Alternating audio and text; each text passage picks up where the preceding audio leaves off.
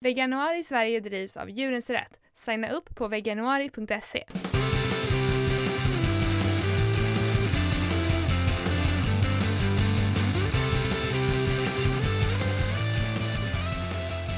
Hej, du lyssnar på Kvinnodjuren med mig Lina. Och mig Josefin.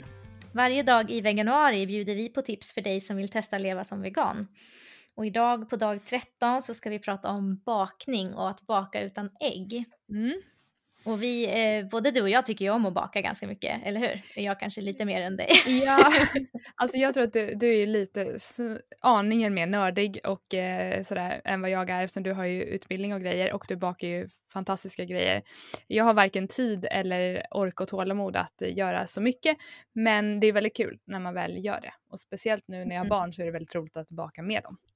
Att, ja, du har mm. ju precis nyss bakat två tårtor till dina barn som är så fina. Ja, de blev ju faktiskt jätte, jättebra. Jag, jag fick lite tips av dig hur jag skulle lägga på med marsipanen och sådär. Ja. Jag, jag, jag, formade dem som den här fienden Bullet Bill i Super Mario.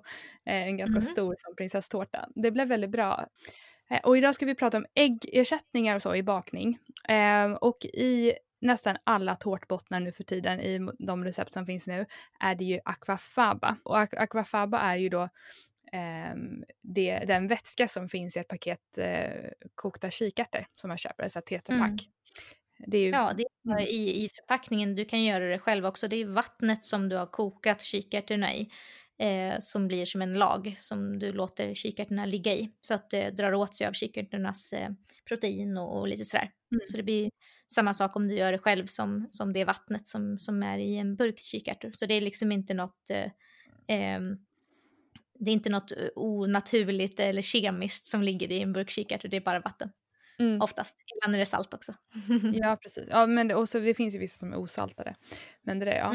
Mm. det, så det måste man testa om man inte har testat det.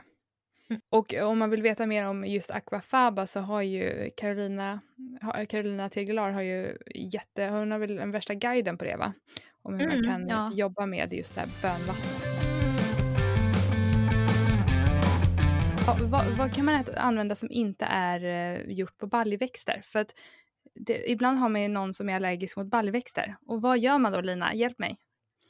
Ja, eh, jag, nu, för, nu för tiden så brukar jag använda akafaba nästan hela tiden så det blir svårt att försöka tänka ur det för det är så himla bra mm. eh, ersättning. Men innan, alltså det var inte så länge sedan som akafaba upptäcktes så jag bakade ju innan dess också så jag försöker tänka vad jag använde då. Ja, vad hade man innan eh, akafaba?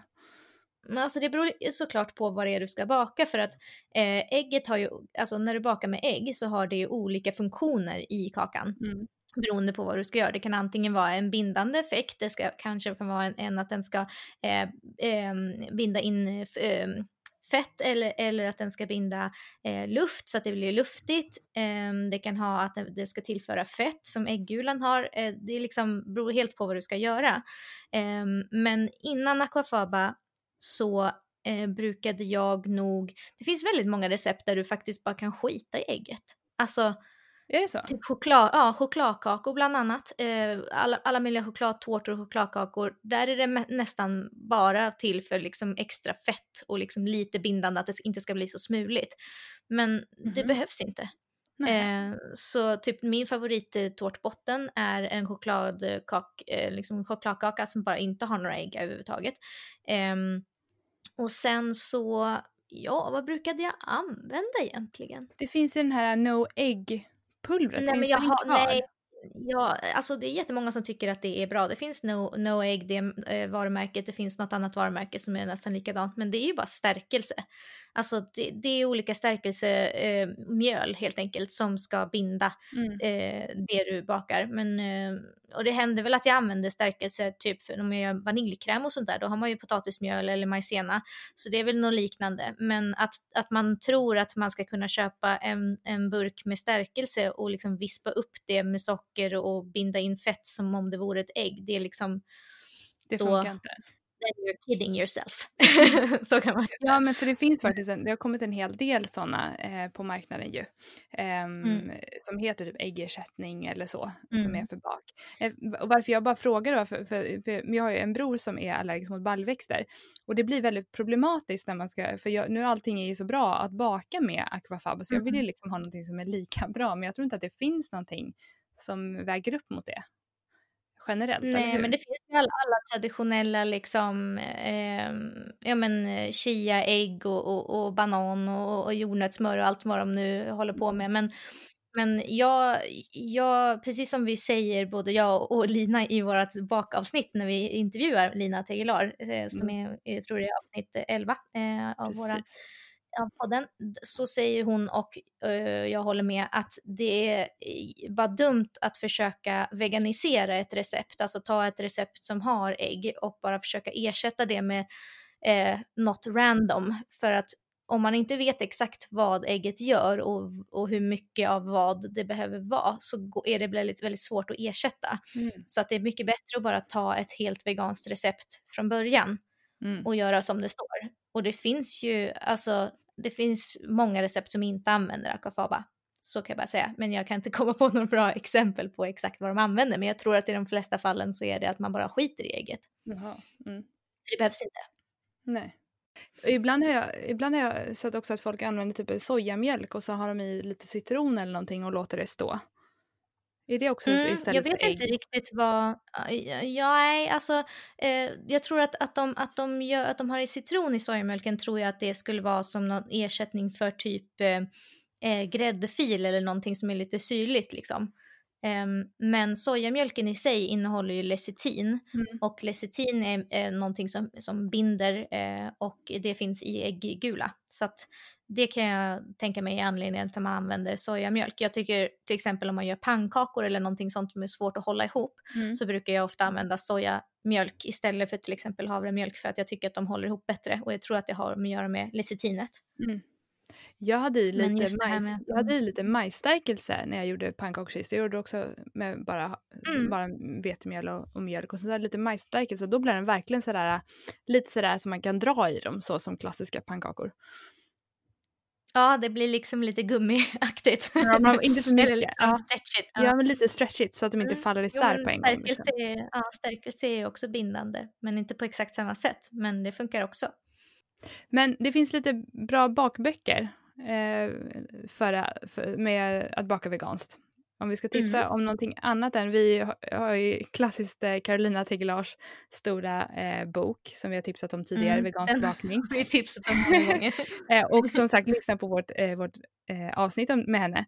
Men vad, vad finns det fler för bra, eh, där man kan hitta bra recept?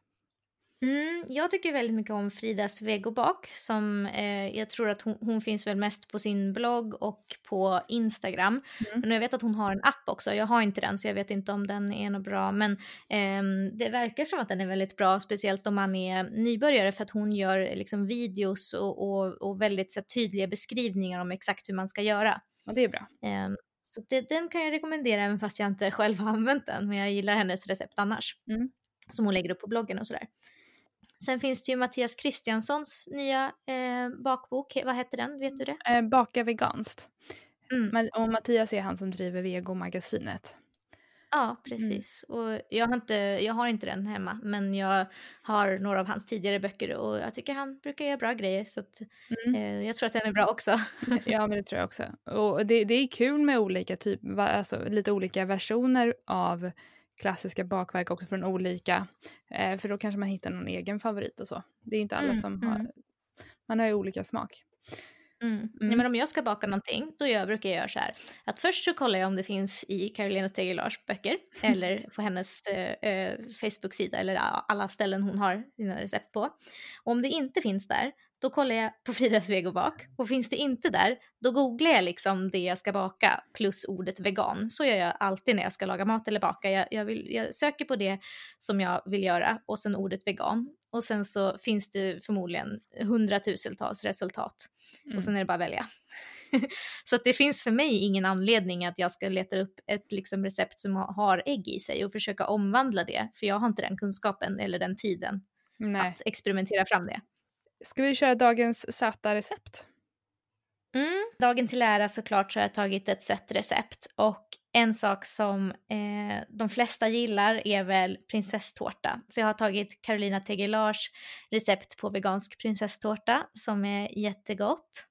Mm. Det är väl den du har gjort några gånger nu va? Ja, eh, jag har gjort den mm. flera gånger och jag gjorde den nu senast eh, till min treåring.